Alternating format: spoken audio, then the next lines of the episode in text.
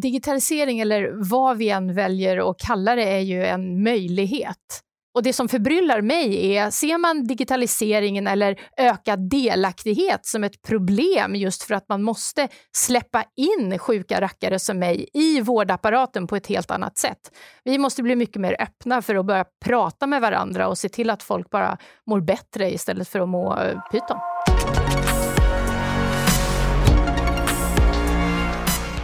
Välkommen till Biogens nya podd och det första avsnittet som handlar om den digitala patienten. Jag heter Max Eliasson och jag arbetar för läkemedelsföretaget Biogen som fokuserar på neurologi. Vi hade ett seminarium i Almedalen häromsistens som hette Vart flyttar makten över sjukvården när patientens hälsa digitaliseras? Det här programmet är en fördjupning i det temat och vi kallar det Den digitala patienten. Vår podd ska ta upp ämnen som ligger i tiden med hjälp av inbjudna gäster som får utveckla sina tankar inom respektive specialområde. Vårdens digitalisering har varit på ämnet på många seminarier på Almedalen och det lär fortsätta vara så eh, en lång tid framöver. Jag ska idag prata med en gäst som vet hur en digital patient kan se ut och vilka förväntningar som patienten har på vården och kanske också vice versa. Välkommen säger jag till Jenny Kristensson. Tack så mycket. Du kan väl eh, säga några ord om dig själv och varför vi har bjudit in dig?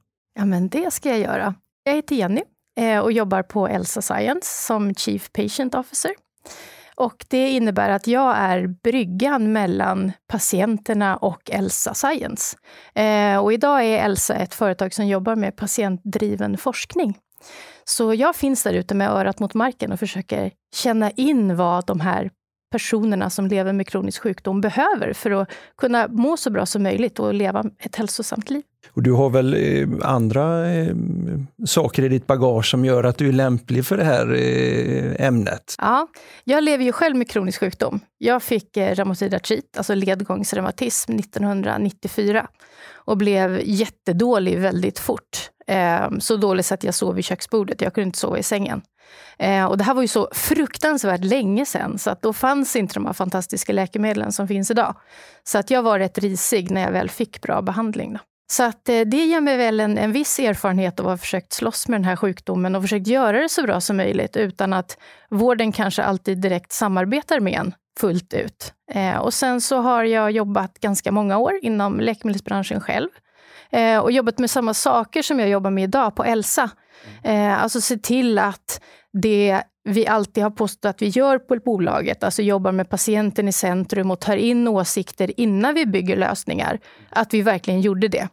Så jag anställdes för att säga, hallå där, nu har vi tappat något. Ehm, och det gjorde jag tills samma dag jag slutade tror jag. Och nu gör jag det på Elsa istället. Så det är ju rätt modigt att anställa en tokig typ som mig, tror jag.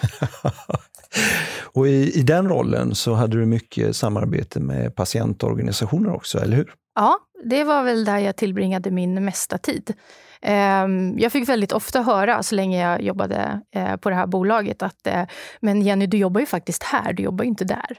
Ehm, vilket för mig var den absolut bästa kritik jag kunde få. Det betydde ju att jag gjorde mitt jobb på det sättet som det var tänkt jag skulle göra. Så under alla de där åren så drev jag projekt ihop med organisationerna för att bygga patient empowerment och se till att de frågor som de här organisationerna drev och som låg i linje med de frågorna vi drev på bolaget verkligen kunde komma ut där på ett bra sätt eh, och stötta de här organisationerna som gör ett helt fantastiskt jobb. Så att jag har haft ett jättehäftigt jobb och har det fortfarande. Nu är eh, dagens tema den digitala patienten. Hur är din bild av en digital patient? Ja, ah, jösses. Jag tänkte på det när, när, när du beskrev vad vi skulle prata om, eh, eh, hur en digital patient ser ut. Och den, det går ju inte att beskriva, en sån kan ju se ut precis hur som helst.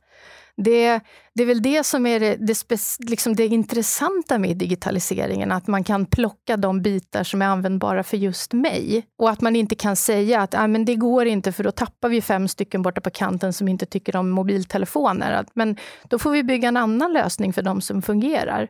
Eh, så den här digitaliserade, eller digitala patienten för mig, det, det kan vara vem som helst där vi som jobbar med att göra sådana saker kan skapa ett intresse och se till att det vi gör är relevant för att använda för att må bättre på olika sätt. Det kan ju vara både spara tid i vården eller spara tid för mig som patient. Men jag tror att det vi måste göra det är att se till att trigga ett intresse hos den här personen att vilja använda digitala tjänster utan att skrämmas och påstå att det här är svårt, det här är avancerat, du måste, det är integritetskränkande. Det behöver absolut inte vara om, om man lägger sig på rätt nivå. Det måste vara relevant och då kanske det inte alltid är relevant att ange sitt personnummer och vad man har för skostorlek. Det är kanske helt irrelevant om man lever med en ledsjukdom. Jag behöver veta hur ont jag hade för två veckor sedan eh, och hur jag har sovit, för det hänger ihop med mitt välbefinnande. Det har ingenting med min skostorlek att göra. Så att jag tror det finns ingen digitaliserad patient så här, än. Det kan vara vad som helst. Vi träffar skithäftiga människor nu när jag jobbar på Else. Jag fick mejl i förra veckan från en 75-årig dam som hade reumatoid artrit och jättegärna ville hjälpa till att utveckla vår app. Så det håller inte längre att säga att ja, men de, de gamla klarar inte det här. Herregud, de klarar precis lika mycket som oss andra. Liksom. Det gäller bara att hitta nivån. Vi lever ju i ett samhälle nu som är väldigt teknologiskt, som är väldigt digitaliserat. Så det låter ju väldigt rimligt det du säger. Kan man säga att en digitaliserad patient också är en, en, en väldigt kunnig och upplyst patient? Eller är det, är det två olika saker? Eh, jag tror att det är två helt olika saker. Eh, jag tror att det intresset som man kanske har för att lära sig väldigt mycket om sin sjukdom, alltså på det tekniska planet. Så här, vad innebär det att jag har fått en ledsjukdom? Jag vill lära mig alla vad blodproverna betyder och alla olika behandlingsformer jag kan få och, och så vidare.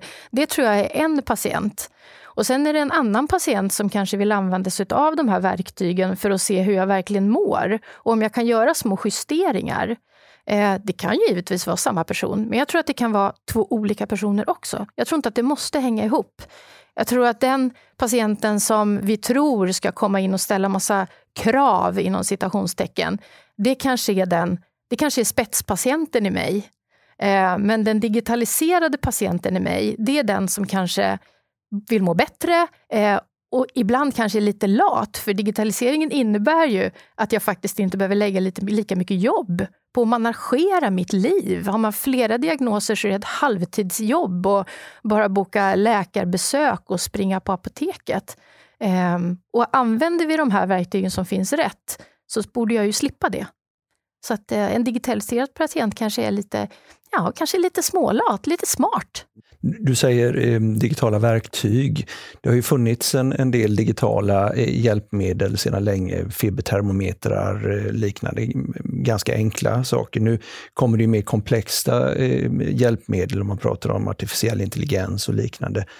Vad, vad, tänker du på för tekniska lösningar när du pratar om digitala hjälpmedel? Ja, alltså det finns ju jättemycket idag som vi inte ens har applicerat i befintliga verktyg. Alltså, om man tittar på bara vår applikation som vi jobbar med skulle vi kunna koppla till andra, alltså koppla upp mot Internet of Things. Man kan ju ha vågar, man kan ha eh, stegräknare, termometrar, vad som helst där jag inte ens behöver jobba med den här termometern. Utan det sker automatiskt. Chip i kläderna. Och, vi, och, när vi pratar om det så låter det som någonting som ligger tio år framåt i tiden. Men det här är ju befintlig teknik som redan finns idag. Det är bara att vården är så urbota seg och ta till sig de här innovationerna och använda dem på ett korrekt sätt. Eh, då låter man bli istället, för det är jättejobbigt att börja tänka i de banorna. Och det kommer ju kosta massor med pengar om folk ska ha vågar. Ja, men vi kanske sparar massa pengar i andra änden. Så det gäller ju vår applikation också, att vi måste våga ta det där steget och göra det så lätt som möjligt om det underlättar för de här personerna som ska använda. Nu hakar jag på här det du sa om applikation. Eh, vi som eh, representerar läkemedelsindustrin, Biogen är ju ett läkemedelsföretag som jag sa. Eh, det är väldigt många av oss som producerar appar patientdagböcker och liknande. Har du någon kommentar kring det? Nej, ja, alltså, jag lyssnade på ett seminarium förra veckan som LIF hade arrangerat.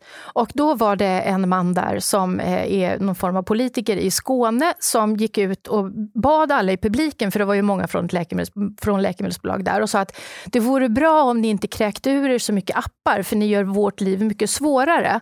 Det är så jobbigt när det finns, vad sa han, 1176 olika appar. Kan ni inte göra en? Och då tänkte jag att men det är väl inget problem att det finns 1176 appar. Problemet är väl att det inte finns något sätt att få in den här informationen i befintliga system. Om man istället ser till att kvalitetssäkra de här 1176 apparna, ja, men då kanske det blir 300 kvar, för många är crap. Se till att de funkar, se till att de gör det de ska och så öppna upp systemen och ta emot den här informationen istället. Så länge jag som patient är okej okay med det. Det borde ju vara en vinst för alla. Du får ju liksom Vårdsidan får ju hur mycket data som helst att jobba på och använd den datan ni vill. Men stäng inte och bygg murar, utan se till att det funkar och använd liksom, kraften i alla den här datan som finns. Så jag förstod inte den där, gör inte fler appar, bara gör appar utav bara helsike, men gör dem bra och se till att allt pratar med varandra. Vilka system i vården är det du menar när du säger att öppna systemen så att man kan använda informationen? Ja, men alltså, det är väl framförallt journalsystemen. Vi har ju massor med kvalitetsregister som florerar fram och tillbaka också, men de är ju ändå bara liksom ett mellansteg till journalen. I journalen finns ju all information oavsett vad jag har för diagnos. Och om man tittar på en sån som mig som lever med en autoimmun sjukdom, jag har ju inte bara en, liksom, jag har ju flera stycken. Och då landar ju min data i flera olika kvalitetsregister. Det är inte så att jag kan gå in och titta på ett ställe. Så för mig så vore det bra om all den här datan kunde finnas på samma. Oavsett om jag använder mig av en app för magen och en app för mina leder. det är ändå olika data jag ska mata in här, men jag skulle vilja att de någonstans samkördes. För jag är ju bara en.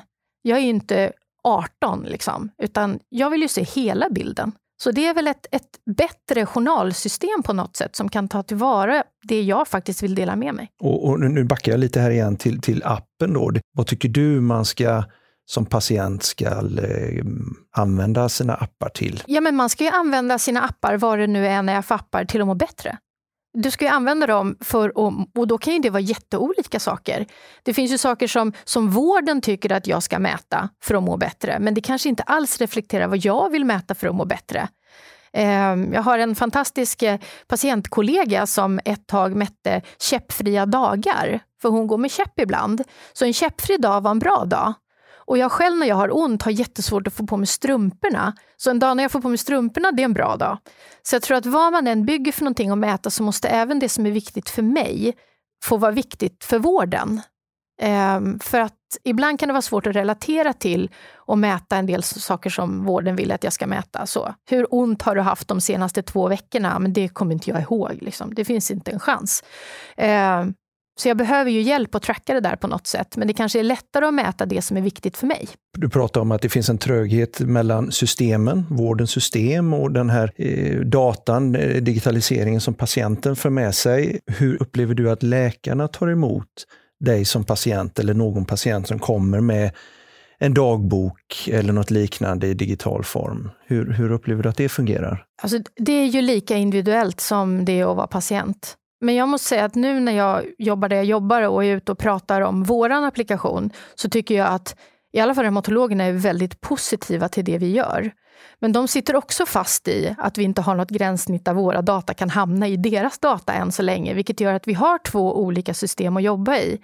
Så ska patienten använda den här applikationen så måste man själv komma in med den informationen och visa för sin läkare, vilket ju är trixigt träffade en sköterska förra veckan som, som sa att ja, men, eh, kan man skriva ut det här? Ja, det kan man göra. Men, och kan man mejla det till oss?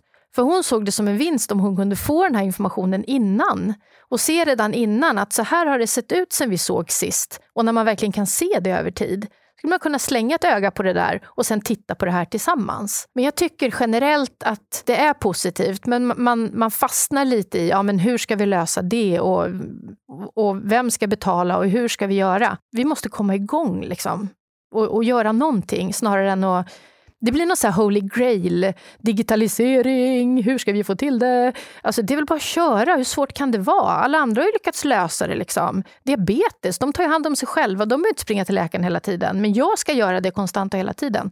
Det, det måste gå att lösa. Vad är de största fördelarna för patienten att använda sig av de här möjligheterna? För mig som patient handlar det om att det kan spara mig tid väldigt mycket tid.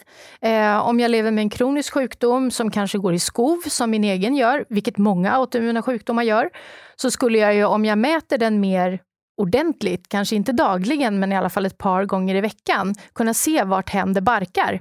Eh, och då skulle inte vården behöva slentriankalla mig varje halvår eller varje år, utan jag kan söka vård när eh, jag mår dåligt istället. Det skulle ju vara enklare och lättare för alla. Jag skulle slippa lägga massa tid på att springa till läkaren när läkaren bara frågar mig, behöver du några nya recept? Utan skulle kunna komma dit när jag verkligen behöver hjälp. Och sen de verktygen som finns, om de används full ut, skulle ju också kunna innebära ett visst mått av ansvarsfördelning. De flesta patienter vill ta ett större ansvar för sin egen sjukdom. Det är i alla fall mitt liv och min kropp.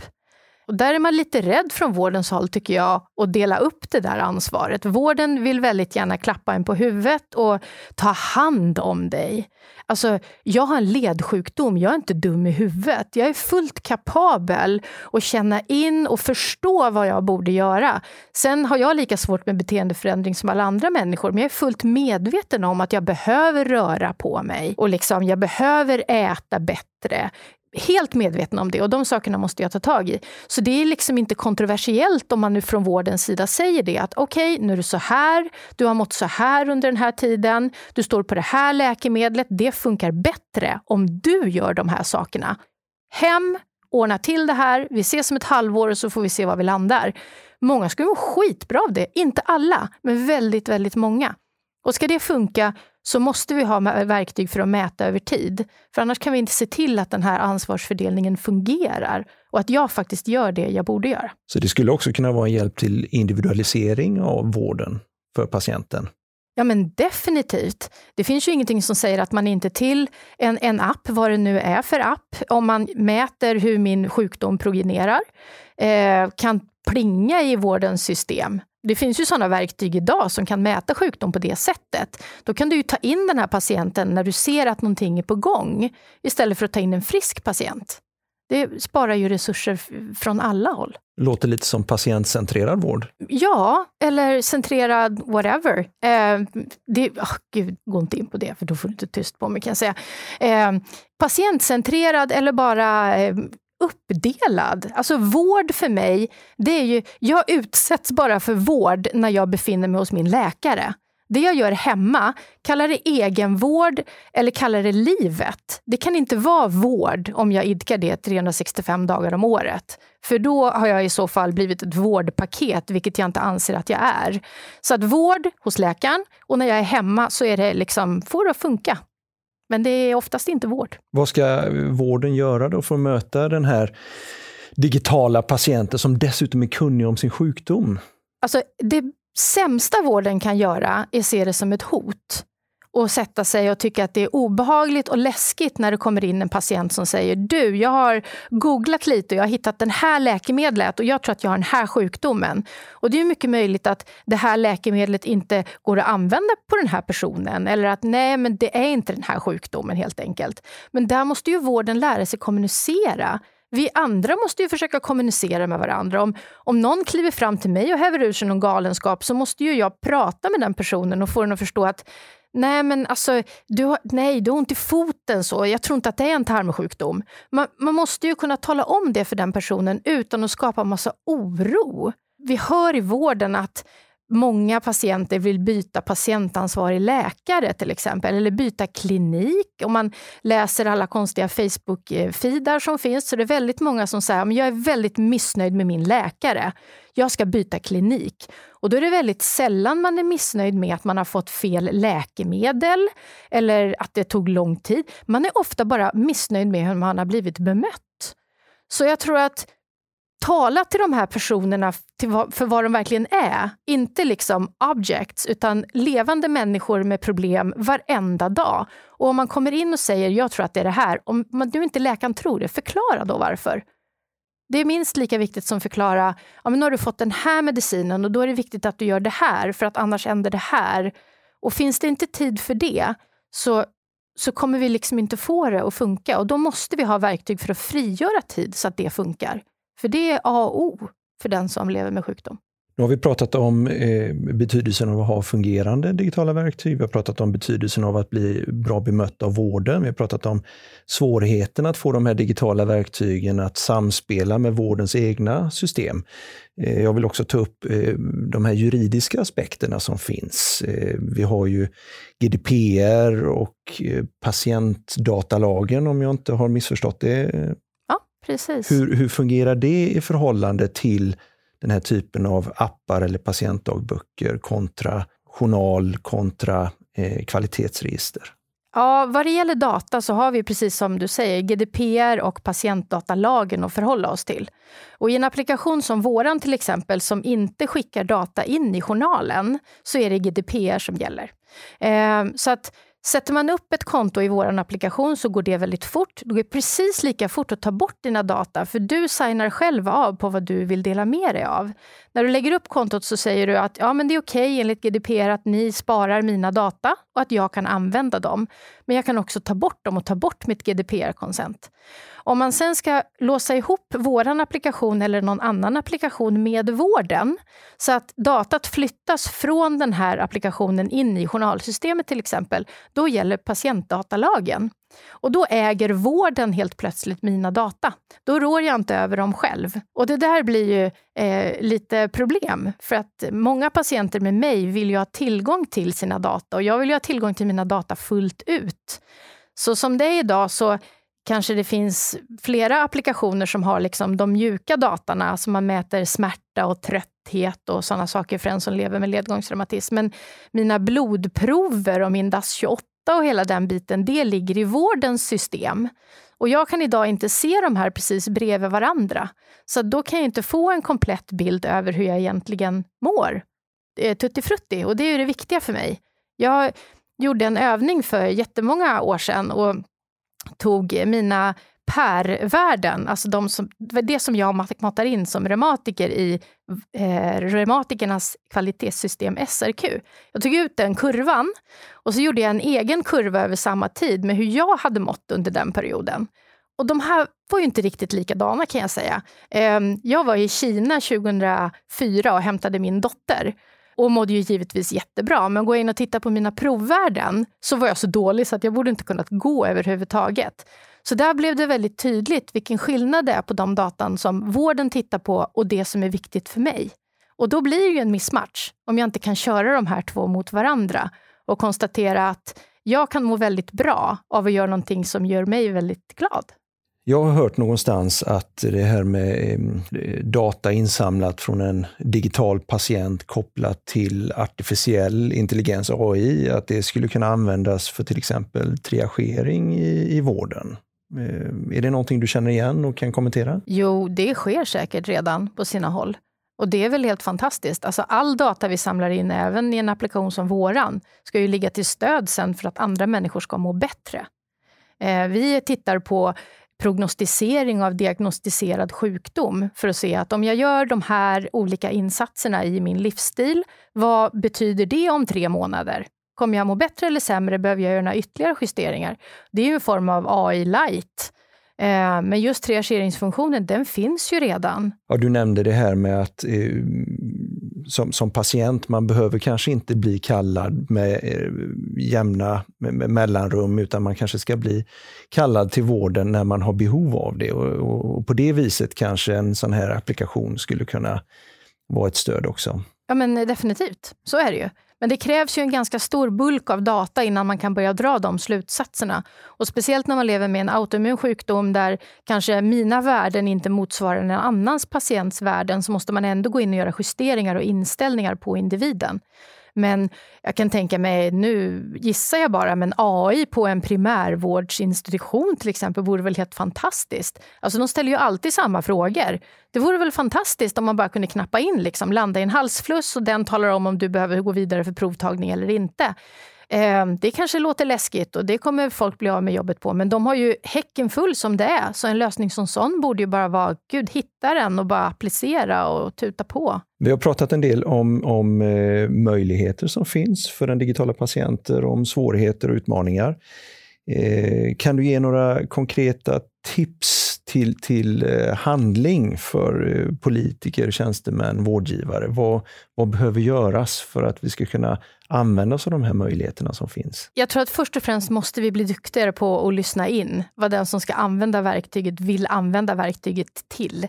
Det kan, man kan inte börja med att säga nej, det går inte, för juridiken hänger inte med, eller nej, det går inte, för vi har inga pengar.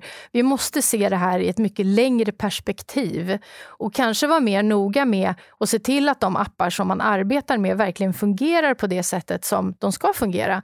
För visst, det finns 1176 appar för vissa saker och många av dem fungerar inte. Och hur man ska göra det, det vet jag inte. Men det skulle kanske behöva någon form av kontrollfunktion som såg till att de apparna verkligen gör det de ska göra.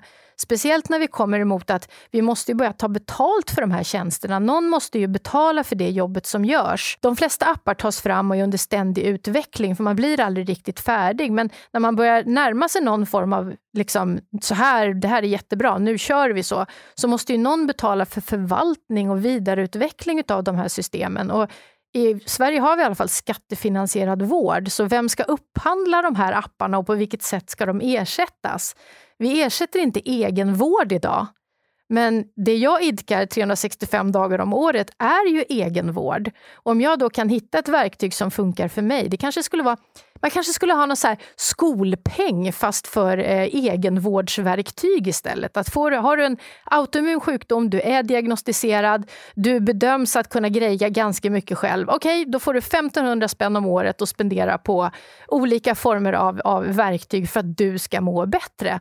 Jag har svårt att tänka mig att en sån lösning inte skulle funka. Liksom. Det är inte jättemycket pengar, men då kommer det väl det här med att nej, men det finns det inga evidens för. Men ibland kanske vi inte kan hitta evidens för allting. Ibland kanske vi bara måste testa och kolla om folk mår bra. Liksom. Våga lite, herregud. Det kostar så mycket pengar ändå. Hur mycket kan det kosta att bara prova någonting någon gång utan att det finns tio års evidens? Och, ja, jag är så trött på evidens. Ja. Så eh, inför någon form av certifiering, eh, skapa någon lösning för finansiering eh, och agera. Det skulle jag sammanfatta det med. Är det rätt uppfattat? Ja, absolut. Vi, vi måste våga ta oss vidare. Alltså, jag hör digitalisering så ofta så att själva ordet det har ingen betydelse längre. Det, det, låter till och med konstigt när jag säger det. Vi bygger så här, vi gräver ner oss, här, gräver skyttegravar bakom ord och tror att allting bara är jättesvårt. Det finns ju andra branscher som har klarat det här utan problem. Men vi faxar saker fortfarande liksom, inom vården. Det är ju helt vansinnigt. Det är helt absurt. Vi måste våga testa. Man behöver inte hänga ut personer bara för att man testar. så. Värna om den personliga integriteten, absolut. Men många av de data jag vill mäta, det har ingenting med min integritet att göra. Och tycker jag att det är okej, okay, då borde vården vara okej okay med det också. Jag har hört dig säga att eh, det inte är datan i sig som är eh, det viktiga eh, för patienten i alla lägen. Kan, kan du utveckla det? Alltså, datat är ju viktigt för att jag vill mäta hur jag mår. Det är ju därför jag laddar ner en app eller ett verktyg för att använda. Men det finns ju forskning som visar att bara det faktum att vi fördelar ansvaret och låter patienten ta en större del i sin egen sjukdom gör att jag faktiskt mår bättre. Och den kanske inte är mätbar på det sättet. Så bara att jag känner att vården litar på mig och jag får ta ett större ansvar gör att jag, att jag mår bättre. Och då kanske inte datat som landar i den stora databasen är det viktiga, utan det faktum att jag får faktiskt styra och ta lite kontroll. Och det gör att jag känner mig lite stärkt. Oerhört intressant. Så att digitaliseringen ska alltså vara ett, ett hjälpmedel för att få bättre patientfokus och förbättrat välmående för individen. Självklart. Alltså det är hälsa vi far efter. Och även om jag lever med en, en kronisk sjukdom så känner jag mig sällan sjuk.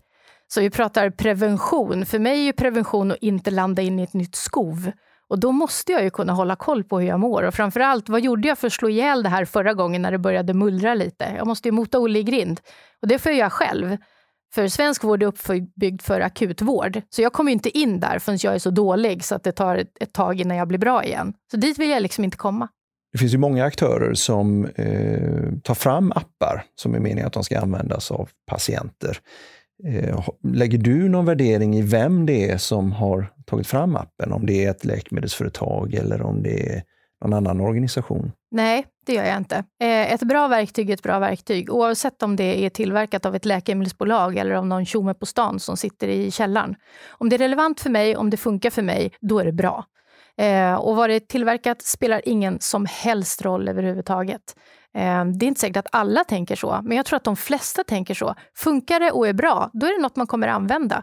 Det viktiga är att vi ser till att säkerställa att vad jag än använder har en livslängd så att det inte tar två år och sen funkar det inte. Sen kanske inte lösningen alla gånger är en app. Och där måste man också göra sitt grundarbete i att fråga, okej, okay, vad är problemet? Det här är problemet. Hur löser vi problemet? Problemet kanske inte är en app. Problemet kanske är en serietidning om vi pratar om barn. Vi kan inte gå in i det att det är en app, men eh, en bra lösning är en bra lösning, var den kommer ifrån. Tack så mycket Jenny för att du ville vara med här och dela med dig av dina insikter och dina erfarenheter. Det har varit ett nöje. Tack själv. I nästa avsnitt ska vi prata om arbetsförmåga och flexibel arbetsmarknad. Jag som har pratat med Jenny här idag heter Max Eliasson och jag arbetar för läkemedelsföretaget Biogen. Den här podden har producerats av TTV Media.